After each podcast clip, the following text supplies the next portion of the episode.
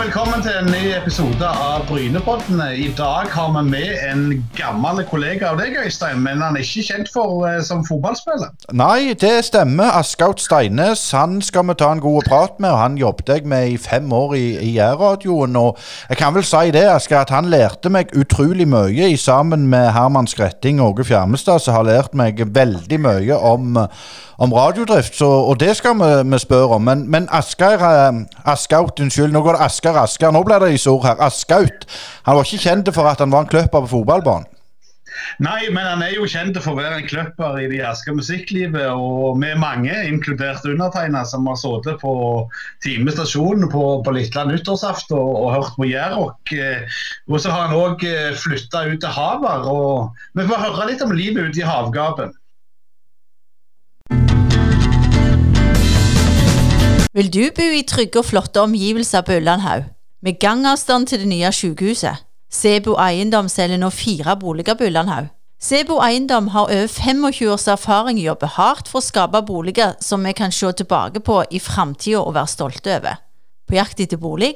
Sjekk ut seboeiendom.no. Sebo Eiendom. Du trenger ikke være stor så lenge du vet hva du holder på med. Som vi sa innledningsvis, så skulle vi ha en tidligere kollega av meg. Og velkommen til Brynepodden, Askaut Steines.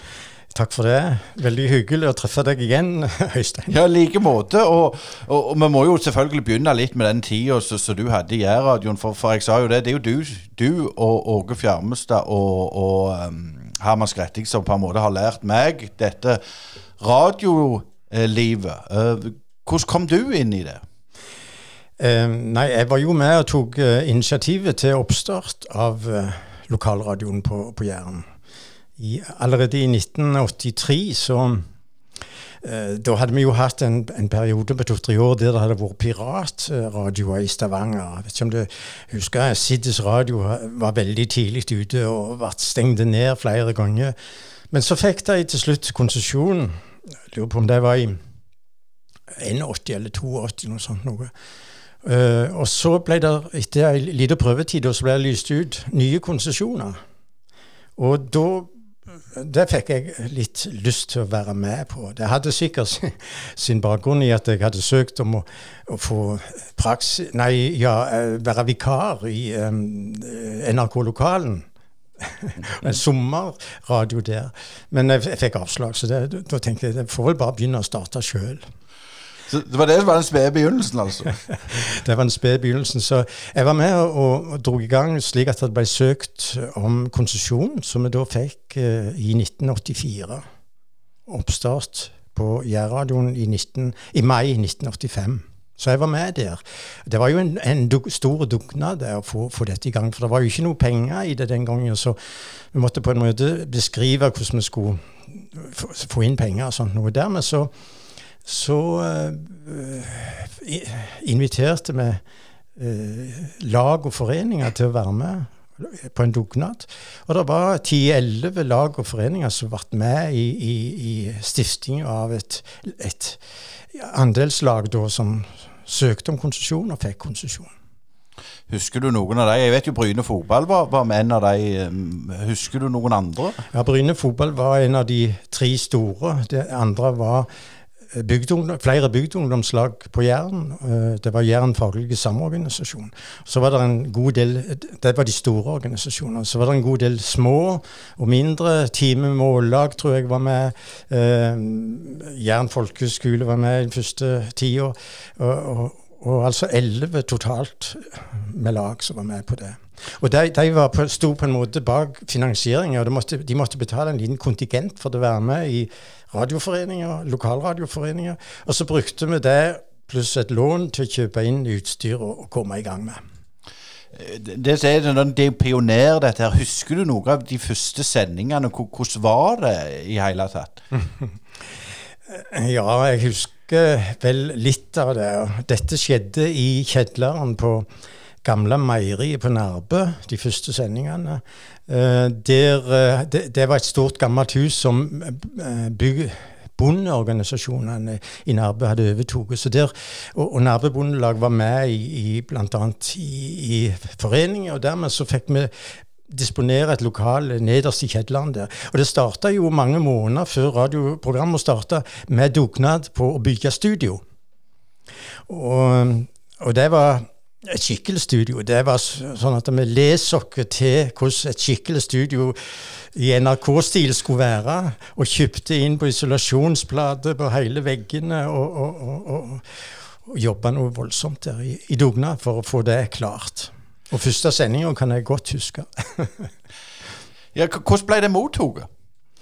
Ja, det vet jeg mest ikke hvordan jeg skal svare på. For, for, for meg så, så det, ble det veldig mye arbeid. Det var sånn at, um, at uh, dette var jo noe vi gjorde på fritida. Gikk på arbeid på full dag, og så når du kom hjem på kvelden, så måtte du til med dette her. Og når du først hadde starta radioen, så skulle det liksom være sending hver eneste kveld. Uh, Sette vi opp program. Og det var Jeg vet det er noen andre som fant på uttrykket, men det var mest så til våkne til at du hadde en elefant som skulle ha mat hver dag. det var mye jobb med å forberede og planlegge og, uh, sendinger og sånt. Men, men litt Askaut, om, om radiotida på den tida. Altså, NRK var jo mer og mindre eneste radiostasjonen eh, som sendte i Norge, som du var inne på. og de kom vel etter hvert med, med, en kanal til som det heter P2, som var litt annerledes enn det P2 har vært senere. Og så nevnte du de Stavanger-radioene. Men sånn radiomessig, altså hva slags radiolytter var det du i? Var det Luxembourg og alle disse her, eller var det litt rundt forbi på mellombølgene og sånn? Ja, eh, jeg vokste jo opp i ei tid der eh, NRK var det eneste som fantes her i Norge. og det, da, var det å høre på Ønskekonserten, og der var det et visst antall plater vet jeg, som, som var for oss unge. og Det var to-tre barneplater, og så var det to-tre for, for oss ungene som var litt spenstigere musikk. Um, og ellers så var det før det eh, så, så, var det også å høre på barnetimen, barnetimen for de minste. det husker jeg og veldig godt. Jeg husker at Prøysen eh, hadde program der han og, sang, og, og lærte dere å spare penger. Han, han sang om en sparegris som skulle ha ettåringen sin. det, var, det var fine tider. Men etter hvert så jeg eh, ble litt eldre, så var det jo Radio Carolina, det var Radio Luxembourg. Det var de som var ja, som ga kulturen, for å si det sånn.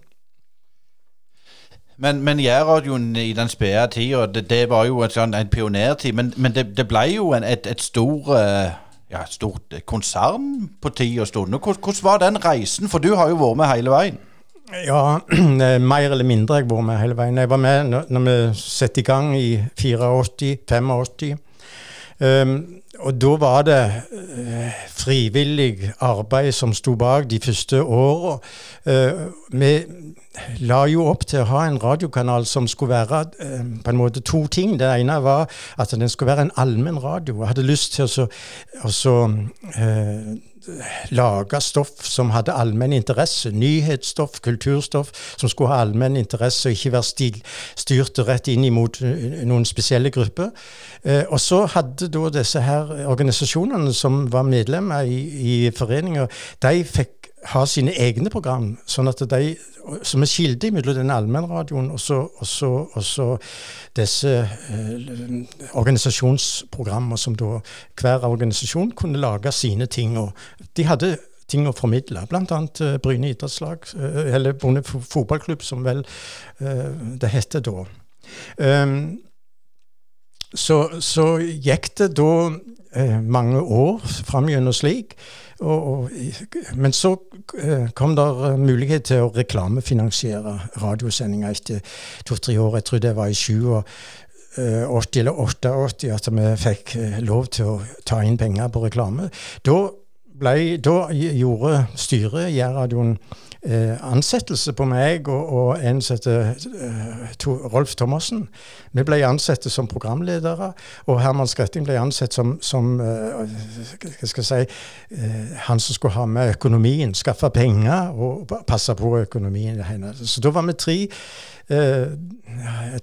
Litt usikker på om det var fulle stillinger, men iallfall så var vi tre ansatte da når det kom reklamefinansiering eh. Og da måtte vi jo utvide utvide sendetida. Vi måtte ha mye større sendetid. Um, så gikk det slik en stund, og så kom vi jo til at um, hele døgnet skulle sendes. ikke sant? Um, de første tida så satt vi med vi satt med I dag så sitter de jo med Du sitter bare og trykker på en knapp der, så kan hva som helst komme fram. Både lyd og musikk og all slags. Men da satt vi med to, en grammofon på hver side, og så måtte vi, eh, så måtte vi time og stille inn en grammofon klar til, til, neste sang. Så måtte vi snakke. Og så når vi starta den sangen, så måtte vi gjøre klar og kue den andre platespilleren på den rette sporet på LP-en. Og LP-en de hadde vi med hjemmefra. Så det, det var musikk som vi kjente. og, og likte å, å, å spille sånn. Ja, det var, det var, på en måte starten. Og så sier du det ble et konsern, og det um, skjedde etter hvert, det, ja, at um, det ble en omorganisering. Jeg tror at organisasjonene som sto i denne gruppa, som sto som eier i denne gruppa, de på en måte mista litt interessen for å Altså, det ble for mye å jobbe med for de og sånt. Så dette skjedde mens jeg var, hadde en, en, pause. For det at jeg um, uh, fikk små unger. og Det gikk litt problematisk å kombinere det med å, å være på jobb i radioen hele, hele døgnet. Så jeg, jeg, var hjemme noen år, uh, hadde litt annet arbeid. Og så i den perioden så ble radio, Jærradioen omorganisert og ble um, et aksjeselskap, tror jeg. Ja, det, For det, det, det, ble jo utrolig populært. Og, og Asker, vet ikke jeg eh, Husker du noe av dette? Ja, jeg, jeg husker jo Jærradioen eh, selvfølgelig eh, som en av de lokalradioene der det sveiv rundt eh, blanda med, med Radio Radio Vest med ukens platte, som de pleide å si. Men Eh, jeg kan ikke si at jeg det, hadde det nære forholdet til Jærradioen som kanskje folk litt lenger ute. Jeg vokste opp på Gandal, og, og det var litt, litt forskjellig. Men, men, det jeg har lyst til å spørre deg om, Askaut, er jo denne utviklingen du sa i, i starten dere hadde lyst til å gå inn i sånn allmennkringkasterrolle og sånn. Men, men med åra så ble det vel litt mer musikk, reklame og litt sånn eh, Ja ja, det er jo komikere som har blomstra i radio og sånn, men hvordan så du endringer? Er det reklamen det skyldes at det på en måte dreide seg vekk fra å være sånn allmennkringkaster at det bli mer sånn hva du skal kalle det, litt mer sånn popradio eller populærradio? Uh, jeg vet ikke om jeg um, har noe veldig gode svar på det, men, men um, det er klart at Um, det at det skulle selges reklame, mest mulig reklame, det um, ja, Der utvikla seg en, en, si, en tradisjon i de uh, kommersielle lokalradioene etter hvert som gikk på at, at uh, musikken skulle styres veldig uh, nøye og etter, ut etter at en valgte ut musikk som en visste på en eller annen måte ga så og så mange lyttere. En, en plate som ble satt på i en, en, radio, i kommersiell radio, var det et veldig viktig kriterium for. Det skulle ikke være en avskruingsgrunn. Uh, så setter du på ei plate, så skulle du vite hva du gjorde.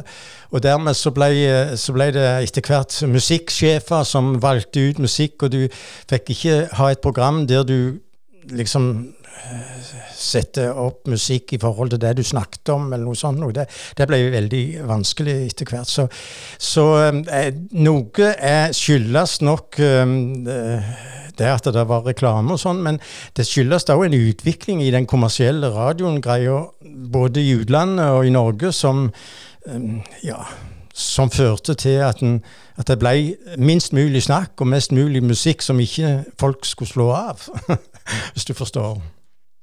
Ja, og det har jo òg eh, skjedd i annen radio, ikke, ikke bare i nærradioen i de senere år. Eh, men, men, eh, litt når vi er inne på musikk. Du er jo aktiv i musikklivet på Jæren i flerfoldige tiår. Og du er òg en levende interesse for, for musikken på Jæren. Og, og ja, ja, du har et levende interesse for, for mye rart for oss som har sett på nettsida di gjennom åra. Men, men litt om musikken. altså Du vokste jo opp, er jo en typisk representant for den hva du skal si, den, den etterkrigsgenerasjonen der eh, rocken kom inn eh, og bana vei, og etter hvert begynte å spille band sjøl. Altså, hvor, hvor begynte dette her hen? Um, det begynte Ja, hvor begynte det hen?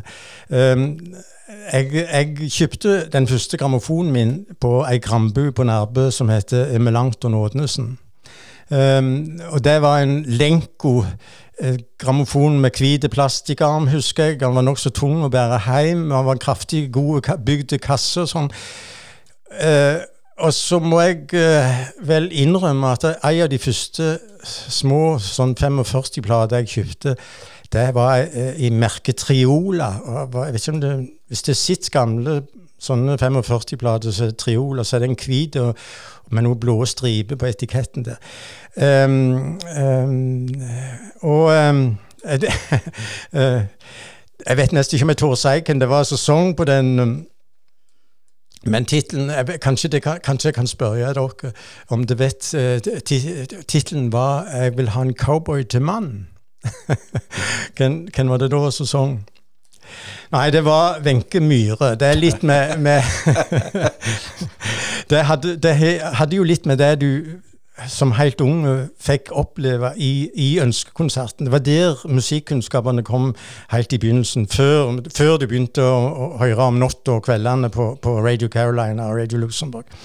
Men så, så kom jo etter hvert uh, høringa på det. Så kom det et program i, i radioen som heter Ti i skuddet, uh, som uh, ga oss litt mer informasjon om musikk og sånn. Og så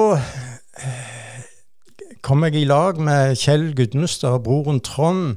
Og de og, og, Helge Torven de hadde begynt å spille på gitarer og slagverk. Og, og bass og gitar og slagverk spilte de, og, og begynte å spille Shadows-melodier. For det kom inn veldig sterkt uh, da på begynnelsen av 60-tallet.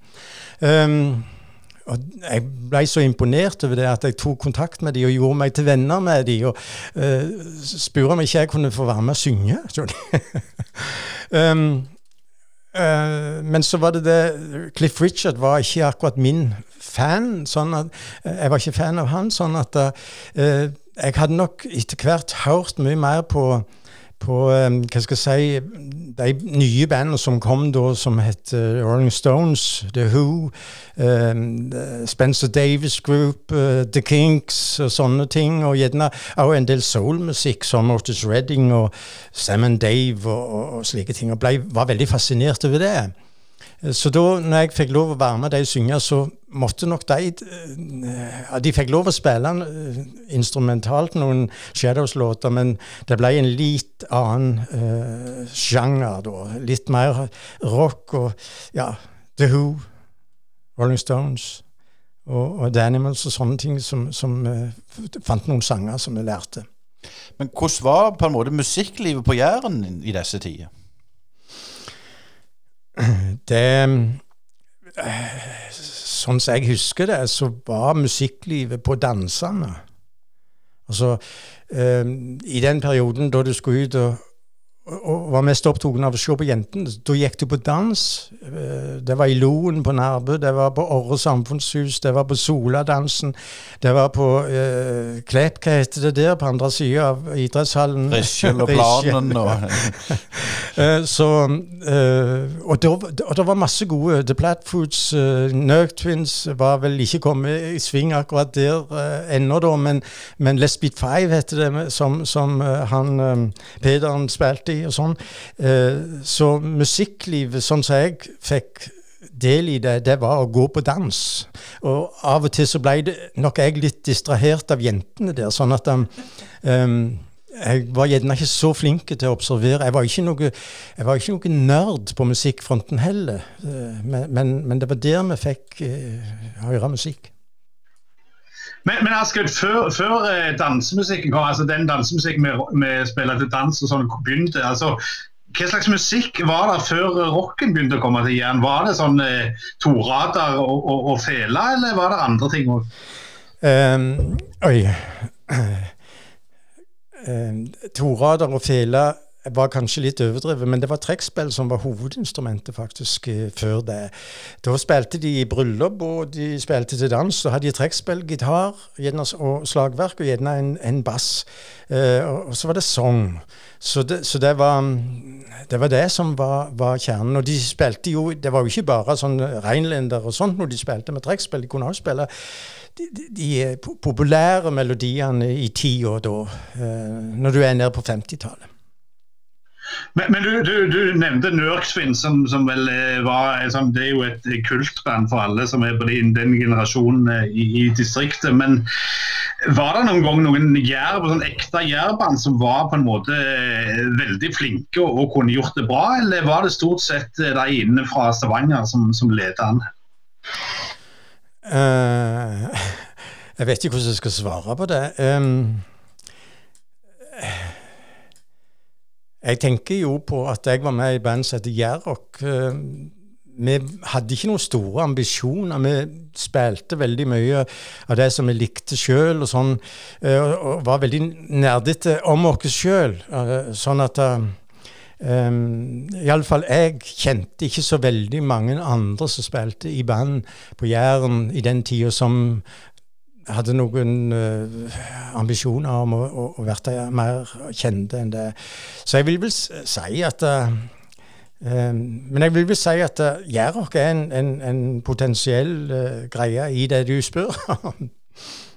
Nei, Litt tilbake til det med Jærok, for, for, det er jo ingen tvil om at det var og blei og er veldig populært. og hvordan Den reisen der, hvor, begynte det i, i, det små i den tida du forteller nå? Mm.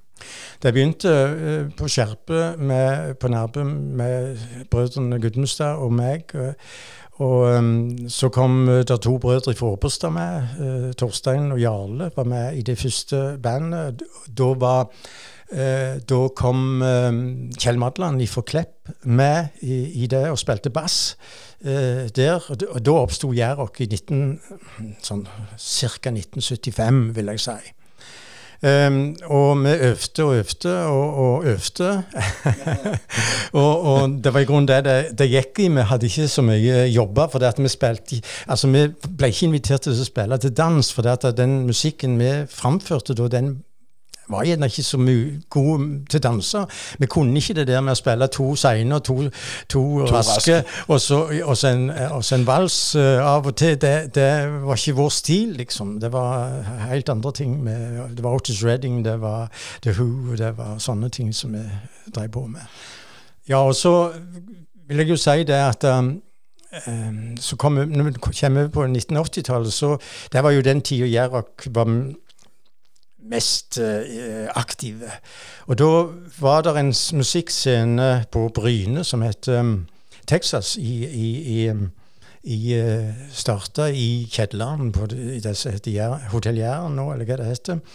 Um, der fikk vi lov å, å, spille, og det var veldig populært. Og, og så var det sånn at vi på en måte eh, var veldig fascinert av Rolling Stones i den perioden. Og så vi ble nærmest et attributtband på det. Sånn at vi hadde et helt sett med Rolling Stones-melodier. Så, så, kvelden besto av et, et, helt sett med Rolling Stones-melodier, og så et sett etterpå som var mer noen av de andre sangene, og etter hvert så begynte vi å lage sanger sjøl, så det ble jærsk dialekt på det. Men, men Askaut, dere er jo eh, Det er vel et, et, eh, Så vidt jeg vet, så er det jo et tidlig spor som, som, eh, som dere spilte inn som er til Varhaug på dans.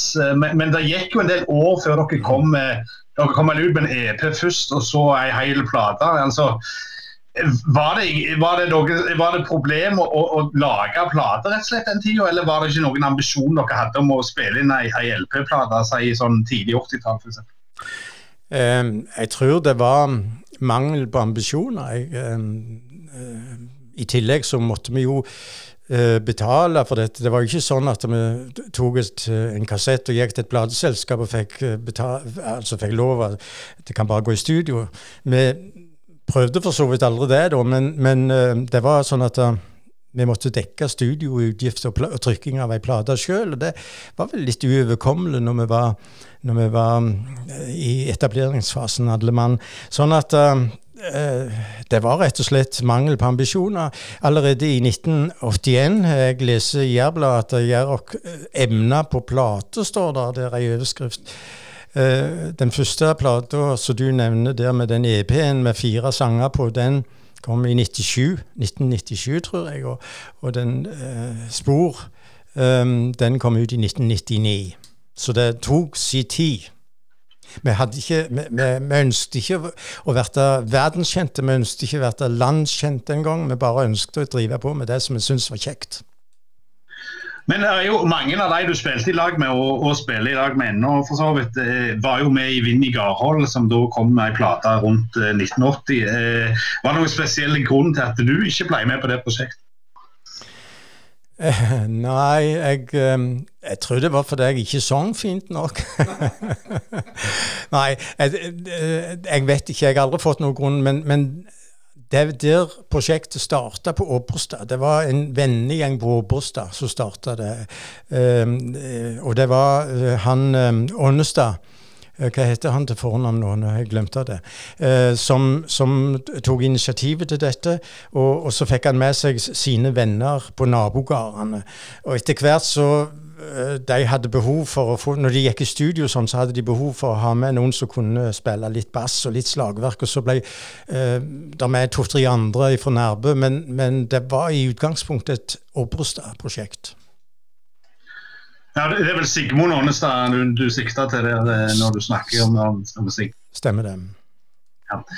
Men, men, eh, sånn, eh, etter hvert som, som Jærok begynte jo med, med, en tradisjon om å spille på Time stasjon, som, som undertegna har vært til stede på ja, mer enn en to-tre ganger. Men, men i år så ble det ikke noe av dette, altså i 2020. og Hvordan ser du på det framover? Blir, blir, det en fortsettelse der, eller er det òg ting som koronaen visker ut? Eh, jeg tror ikke det blir noen fortsettelse. Men jeg vil også si at det, det er ikke koronaen sin feil. For det at vi, vi opplyste i hva, hva, hva, dato er det? Den 30 desember i, 20, i 2019 at det var siste gang vi opptredde på Timestasjonen. Eh, altså, den tradisjonen der ble bråten der og da. Så det var siste gang vi spilte. Det jeg opplyste om. Nå kunne vi jo ha litt da, og så kunne vi sluppet å spille et år av det. Men, men, men, faktisk så har vi valgt å avslutte det, den tradisjonen, da, som um, uh, vi er veldig i tvil om hvor lenge varte. Men jeg har funnet noen uttalelser etter hvert uh, i noen avisreferat der det står en gang så sier Magnus og det var i 2002. Så, så ble han intervjua, så forteller han at han tror det er den 13. gangen Jærok spiller i 2002. Og hvis jeg da legger til hva, hva ble det, 18 år til, 17 år til, så, uh, så er det ca. 40 år, ca. 30 år. Men hva var grunnen til at dere eh, på en måte trekte ut pluggene etter fjoråret? Eh, nei, det var vel med å prøve å få det til å slutte mens legen er god, ikke sant? Ehm, vi holder på veldig lenge, og, og hvis vi skulle hvis, vi, hvis Jærok kommer til å fortsette etter koronaen, så ønsker vi egentlig å gjøre, gjerne ha andre scener eller andre plasser og gjøre ting. Gjøre det litt annerledes, gjerne muligens. Og, så, og, og det hadde òg bakgrunn i at det der, eh, akkurat på den tida um, så var vi i gang med å spille inn ny, et nytt album som skulle komme ut nå i, i høst. Um, og sånn, og så ble der har koronaen spilla inn litt sånn at og I tillegg så er platetrykkeriet i konkurs. Er, um, men altså, der ligger et ferdig, uh, nesten helt ferdig produkt. Et, et album nummer to fra Jærok, litt over 20 år etter det første albumet. Og der er planen, og, og da var planen at når vi gir ut det, så må vi jo ha en release-konsert og sånn. Så vi, vi, tenkte at vi kanskje skulle ha en, en, en annen form for markering av Jerox sine greier da, dette året her i 2020. Men det har jo ikke blitt noen ting ennå. Eh, vi skal ta, gå over til litt andre, dine sportslige bravader. Men, men jeg har et spørsmål når det gjelder Når jeg tenker på Jærok og deg spesielt, så har jeg tenkt på Johnny Cash. For han eh, har jeg sett en dokumentar om. Han uttalte det at eh, alle avskilte han at han var liksom ferdig og oppbrukte, men så selger han bare mer og mer og mer og blir mer og mer populær. Det er vel litt sånn med oss òg. De, de dør jo aldri ut. Ja, og jeg tror at uh, etterspørselen etter Gerok uh, har dødd ut, for å si det sånn. Det er ikke, det er ikke mye tilbud om, om spille i jobber. Men, men det er klart at vi har vi har ennå en del folk som lever som er i vår alder. og de setter faktisk pris av og til på å gå ut. Så vi, vi har jo de siste to åra hatt noen konserter som har vært utsolgte, faktisk. Og det, og det, men det er òg konserter som er gjort i hop med store folk som Knut Reiersrud og, og, og som eh, og som han eh, Snaue, vet du, overvant Vestlandet, som heter Kanskje Asgeir kan hjelpe oss med navnet her? Er Alnesen. Eh, fin. Ja, ja eh, Alnes, ja. Riktig. De har har vi hatt dobbeltkonserter i lag med et, de to siste åra. Det har vært veldig veldig kjekt. Veldig, og, og publikum har sett veldig pris på det. Både det vi gjorde, og det eh, de andre store artistene gjorde. Eh, nei, det er godt. Askut. Men, men klart, det, vi er jo en, en, en Bryne-podd, og vi har hatt mye sport, og særlig fotball i denne podden. Men, men når det gjelder din idrettslige karriere, hvor, hva har du å slå i bordet med der? Ja, jeg må jo si at eh, jeg ble litt uh, overraska når jeg fikk forespørsel om å komme på besøk til deg, Øystein og, og, Asgeir. For det at eh, jeg oppfatter Altså Når jeg sitter på overskriftene på de andre podene, så det handler om sport og idrett. Uh, alle sammen, uten unntak. Så derfor så ble jeg Hva i all verden Så jeg måtte lete fram mine. jeg har en pokal. Jeg skal begynne med den. Jeg har en, en blanke pokal. Og, og det er fordi at um, Jeg skal kanskje ta, starte det i forbindelsen av og fortelle at jeg var ganske opptatt i min barndom og ungdom av skøytesport. Skjesse. Uh, og, det, og det var i den tida da vi òg kunne gå på Skjesse her uh, på Jæren. Uh, sånn som jeg husker det, så var vi ute på Skjesse hvert eneste år. På Nærbøs, på Hatlalandskjøtten og på Auramotlandskjøtten. Eh, hvert år. Men de siste åra så ikke jeg kunne jeg ut på isen rett før huset hos meg en gang, for de er ikke sterke nok. Så tidene forandrer seg. Det var det jeg ville si. Og så eh, Men eh, altså fra 1960 et da var det et, en olympiade i vintersport. Jeg lurer på om den kan ha vært, kan han ha vært i Skå Valley. Seinere var det en i Innsbruck. Og da satt jeg og skrev rundetider på skøyteløperne. På skjesseløperne, heter det. Jeg må ikke snakke fint til han. um, så jeg vil nesten si at jeg var en nerd når det gjaldt uh, skjesseløp på den tida. I, i, mange år, iallfall over, i alle fall over en periode som eh, gikk over to olympiader. Og, og kupperen var der, Roald Aas var der, Per Ivar Mo var der, og jeg skrev navnet deres, jeg skrev skøyter. Vi gikk i kiosken og kjøpte et hefte. Der sto alle eh, sj- eh, fem- 500-meteren, 1500-meteren, alle disse her løp og sto oppsettet, trykte. Så var det skrive inn. Og hver eneste rundetid på 10 000-meteren så hadde jeg skrevet i flere år. Ikke det bra jobba? Ja, Det er helt sjokkerende nyheter, dette. ja, og det førte òg til at jeg ble litt opptatt av um, å gå på Skjesse sjøl. Og på, um, i så arrangerte uh, en del av idrettslaget det arrangerte skøyteløp, skjesseløp, på Powermasterlandskjøtten og på Nærbø. Og der vant jeg andreplass. Jeg fikk pokal tildelt. eh, Det var før jeg hadde fått lengdeløpere til, med sko til og med. Det var lengdeløpere så jeg bare bandt fast på, på, på hva heter det, Begsamene. Det var, det var tid. Nå hører det jo med til den historien da, at det, det var visst bare to i den klassen. så, så jeg, eh, jeg fikk andreplass i, men allikevel. Jeg var veldig opptatt av det. Så det var Det, var, eh, det syns jeg er en, en Der syns jeg jeg har lagt ned mye både tid og interesse for, for eh, sport, idrett. Jeg prøvde meg òg Nærbø som unge, eh, og, og um, var fikk lånt et par med tennissko en gang og skulle være med på trening på fotball.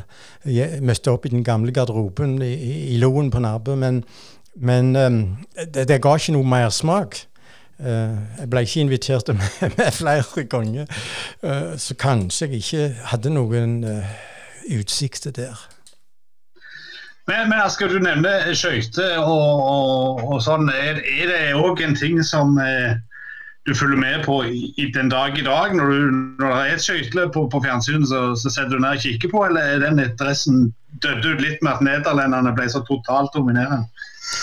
Um, ja, den har dødd ut. Det kan jeg uh, må jeg si med hånda på hjertet.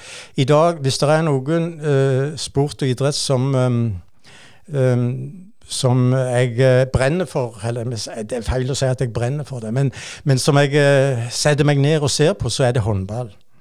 Og det har to, to uh, grunner. Det ene er jo at Narve-herrene nå gjør det godt. Selv om de ikke vant cupfinalen, så syns jeg at de var gode. Jeg satt ball på den kampen. og uh, Til tider så syns jeg at de gjorde det veldig bra. Narbe er sterke på håndballbanen. Det, det, der har de fått det til. I tillegg så, hadde, så, hadde, så var det ei av døtrene våre som, som, spilte håndball. Først eh, på Narbe, keeper på Narbe. Så var hun med i Sola en stund. Og, og da eh, ble jeg veldig opptatt av å se på særlig damehåndballkampene. Så jeg fulgte med på det. Jeg måtte jo diskutere det med dattera, hva det var som skjedde. Og, og, og, på håndball så skjer det veldig mye. Det, det er en veldig spennende eh, kamp å, å, se på. Det er ikke sånn at jeg føler med og vet hvem som er i, i seriene, og, og, vet uh, hvor laget ligger og sånt noe, men jeg liker å være det er en intensitet å sitte og se på en sånn kamp. Det er det. Både på banen og også på TV, faktisk. Men eh, Før vi kommer inn på din nye bopel og du har bosatt deg i Søre Hå, så, så, har jeg lyst til å spørre en ting. Altså, når, du, når vi googler Askaut Steines, er det jo ikke du som dukker opp. Da er det jo en eh, gammel eh, riksarkivar eh, som dukker opp. Er det noen forbindelse mellom deg og han, eller er det bare tilfeldig at han eh, heter Askaut Steines? Nei, det, det, er vel feil å si det er tilfeldig. Eh, jeg har nok ikke noen genet etter han, da, men, men um, det er samme navnet, det er samme forfedrene. Uh, Askaut Steine, som var riksarkivar, han var søskenbarnet til min bestefar. Og hadde det samme navnet som min bestefar hadde da. Så, um, og han um, Du nevner han uh, er jo født og oppvoksen på Klepp, da, men, men havna i Oslo som, som riksarkivar. Ja, for vi må litt over til det du, der du holder på nå. Og du, og du har jo nevnt at det er litt sånn jeg, Hvis jeg sier litt nerdete, litt musikknerd, litt skøytenerd, og så, eh, så er du litt Eller veldig gitarnerd. ja. Det vil nok uh, mange hevde uh, når de kommer, iallfall de som kommer på besøk til meg og, og, og ser de 420 gitarene som er i, i um, samlinga mi. Um, jeg, jeg, eh, jeg, tror Altså, jeg vært spurt hvorfor. Det er veldig vanskelig å svare helt nøyaktig på det, men, men det er ikke fordi at jeg er god til å spille gitar. Kanskje det tvert imot er, kanskje det tvert imot er eh, for å, å, å gjøre for det at jeg ikke lærte å spille. Jeg klarte å lære å spille en godt gitar, så, så, så samler jeg heller på det. Men, men eh, mest av alt så har jeg tro på at det, har med at jeg nok etter hvert som jeg ble eldre, så måtte jeg innrømme at jeg har en samlermani. Det begynte med servietter og glansbilder og frimerker. og En gang så samla jeg på folkevogn boble. Eh, det ble litt eh, omfattende i gassrommet. det er sånn at eh, Så har det vært da gamle datamaskiner, gamle telefoner, gamle radioapparat, gammelt steintøy og sånn. Heldigvis så klarte jeg på et tidspunkt å, å, å, å tenke at det, det kanskje er lurt å konsentrere dette om en ting, og så ble det gitarer. Og så ble jeg opptatt av norsk gitarer. Og for der var det veldig lite sånn informasjon å finne om, om, om byggerne. Eh, altså mannen bak, eller, eller, eller håndverket bak, fabrikken bak.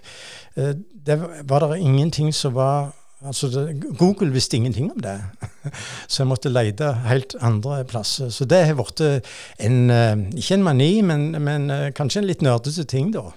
For å si det sånn. Ja, For du har jo òg skrevet bøker? Eller bok? Nei, ja, jeg har samla stoff og lagd ei bok med masse fine bilder av uh, gitarene mine og av andre sine, sånn at jeg har prøvd å uh, fortelle en liten historie om 60-70 av de norske gitarbyggerne som jeg har funnet fram til da. Men nå har du jo, det jo et, et, fungerer jo som et, et slags eh, gitarmuseum, og det har jo vært eh, en del musikere innom hos deg. Eh, hva sier de når de kommer inn i dette mekka for, for gitarspillere? Ja, det er jo en del musikere som er opptatt av instrumentet som, eksempel, ja, som de bruker. Uh, Gitarister, f.eks. Uh, og um, um, det har vært noen uh, ja, både kjente og ukjente har det vært. De, noen syns jo at det er veldig gjevt, og noen er veldig opptatt av det. Og, og, og, noen er opptatt av lyden i instrumentet. Sånn de, her er det jo sånn i dette museet, da, gjerne i forhold til andre museum, så får de lov å prøve de instrumentene som er hele og som er spillbare, de får de lov å prøve. Altså, de, altså, jeg hadde jo besøk av Tønes um, uh, for en tid tilbake siden, og han, han um, Plutselig så spilte han på en gitar. Oi, oi, her er det fin lyd. Her inni her er det mange fine sanger, sier han.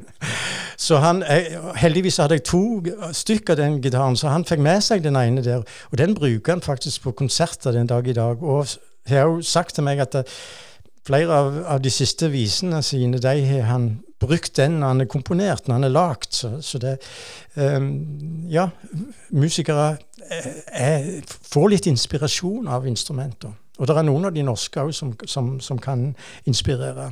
Jeg hadde òg besøk av um, han bergenseren, vet du. Så nå, nå, må, nå, er det sånn at jeg er i en alder så folk må hjelpe meg med navn. Men han bergenseren som er visesanger og så sang med eh, gitarkameratene, hva heter han, Aska? nå er det quiz. Ja. Jan Eggum. Riktig. Han var på besøk. Um, uh, hos meg, og så uh, viste jeg han en av de eldste gitarene jeg har. Um, som ble veldig fascinert. Han syntes han var fin og var patina på han og sånn. Og så var han fra 18, uh, slutten av 1800-tallet, 1860-70 eller noe sånt. Så sier han endelig, sier han, så kan jeg spille på en gitar som er eldre enn meg.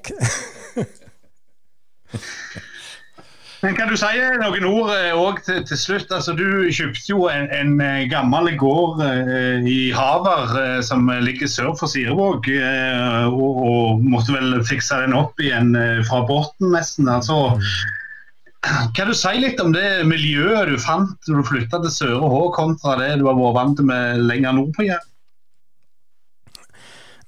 ja det er jo to-tre ting som Altså, livet mitt har forandra seg eh, på, for å si det sånn. Um, det var jo ingen plan om å kjøpe et lite småbruk eh, helt sør i Hå. Eh, men plutselig så, så viser kona meg en, en annonse i Jærbladet der det er bilde av denne gården, og han er til salgs. Så sier hun skal vi ikke gå og se på den?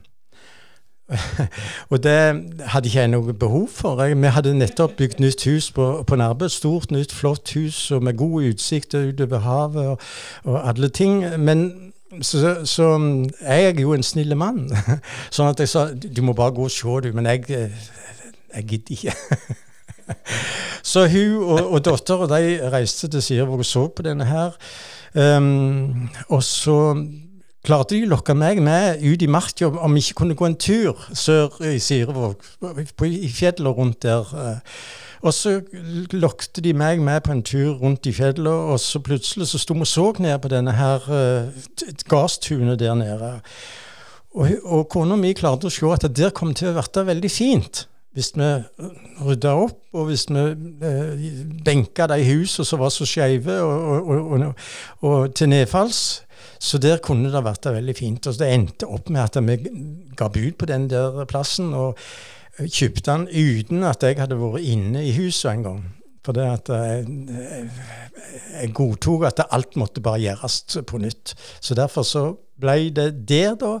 Så er det det du spør om, eh, hva som har forandra seg. Da vil jeg si at um, at uh, det er én ting er været, f.eks. Når vi bodde i et uh, hus ikke så langt ifra stasjonen på Nærbø, så spilte ikke været noen som helst rolle. Jeg kunne segge meg i bilen i garasjen og kjøre til arbeid, jeg kunne kjøre til butikken. Det, det var ikke, jeg, jeg ikke ikke ha sydvest og regnklær på meg. Uh, sånn at det, været var jeg ikke så veldig opptatt av. Men når jeg kom til Sirevåg, så, du, så hadde du merke så uh, skaffa vi oss noen dyr. Jeg måtte høre værmeldinger hver dag. Hvordan skal jeg eh, kle meg i morgen? Hva skal jeg gjøre med dyret i morgen? Hvordan, eh, hvordan det? Jeg, er det vært det så mye vind at jeg må gå opp på fjellet og se på sjøen, som går hvit rett utenfor i Havrabukta? Så det var én ting. Det andre som jeg husker veldig godt forandring på, det var interessen for fugleliv og dyreliv. For det hadde jeg heller ikke vært opptatt av helt fram til vi ikke flytta til Syrvåg. Det, det, det, spilte ikke noen rolle. altså Jeg visste jo at det var fugler, og jeg visste det var dyr, altså, men jeg var ikke opptatt av det.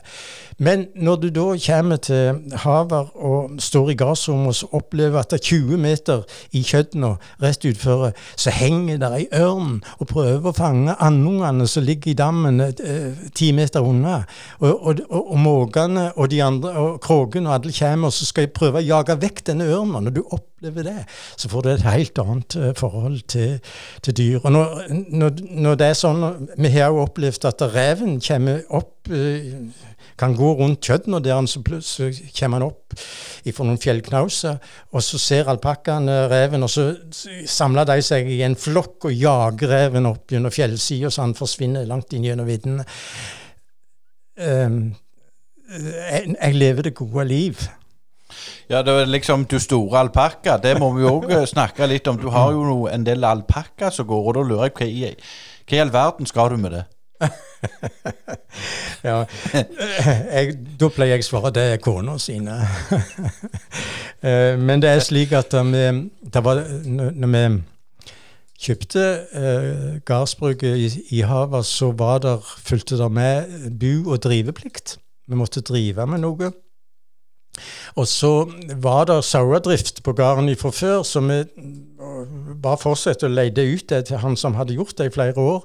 Eh, men så hadde vi lyst til å ha noe sjøl å drive på med. Og jeg hadde jo, når vi flytta til Havar og begynte med bygging og sånn, så gikk jo jeg av med pensjon og, og, var på en måte en slags byggeherre i et par år til dess huset var ferdig oppbygd. Um, men så, så, var det godt for meg å ha noe å gjøre. da, Stå opp om morgenen og, og stelle dyr. og, og ja, Slippe de ut og passe på de og sånn. og um, Kona hun har de fordi at hun eh, får et veldig godt garn ut av fiberen på dem. Så vi klipper de en gang i året, og hun får spunnet garn uh, på et spinneri og får tilbake garden av sine egne dyr, og, og både strikke sjøl, spøte heter det, Eh, og, og, og seiler da eh, hjemme kortreist gaten i havet. Eh, helt til slutt, Askaut. Hvis det er noen som har lyst til å, komme og besøke dette gitarmuseet og, og deg, og, og, snakke om både nyere tid og gamle dager, hvor skal de henvende seg da? Um, da skal de bare ta kontakt uh, på telefonen min eller på Messenger eller på, på sånn. Vi har jo uh, Hva heter det? Uh, nettsida, eller Facebook-sida, som heter um, Norske gitarer. Det er bare å oppsøke kontaktinformasjonen og avtale tid. Jeg har åpent til alle interesserte til ei nesten hver tid. Alltid når jeg er hjemme, så er det åpent for de som er interesserte. Men jeg må avtale, så jeg vet jeg ikke er i butikken eller, hjemme, eller vekke akkurat da. Kan, jeg få lov? kan jeg få lov? Altså, det var en sportsbegivenhet som jeg ikke fikk lov å snakke om. Eh, som du ikke spurte om, for å si det sånn. eh, Asgeir, er det greit, det? Kjør på. nei, nei, det er fordi at det er en kombinert sport og musikkbegivenhet. Noen som jeg glemte å si når, når det gjaldt store ting som Jærok fikk lov å være med på, så var det det at vi, vi spilte i eh, når, når, Bryne hadde cupfinale imot Stavanger Nei, ja, det heter jo Viking.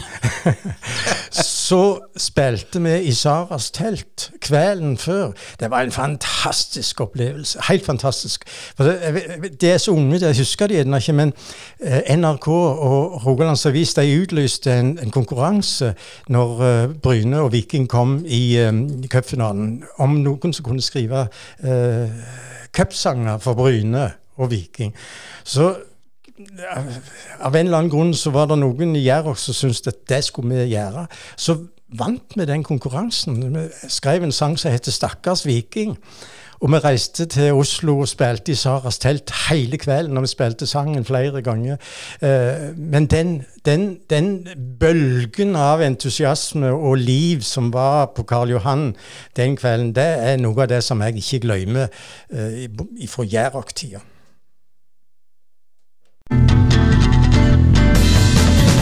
Vil du bo i trygge og flotte omgivelser på Ullandhaug, med gangavstand til det nye sykehuset? Sebo Eiendom selger nå fire boliger på Ullandhaug. Sebo Eiendom har over 25 års erfaring i å jobbe hardt for å skape boliger som vi kan se tilbake på i framtida og være stolte over.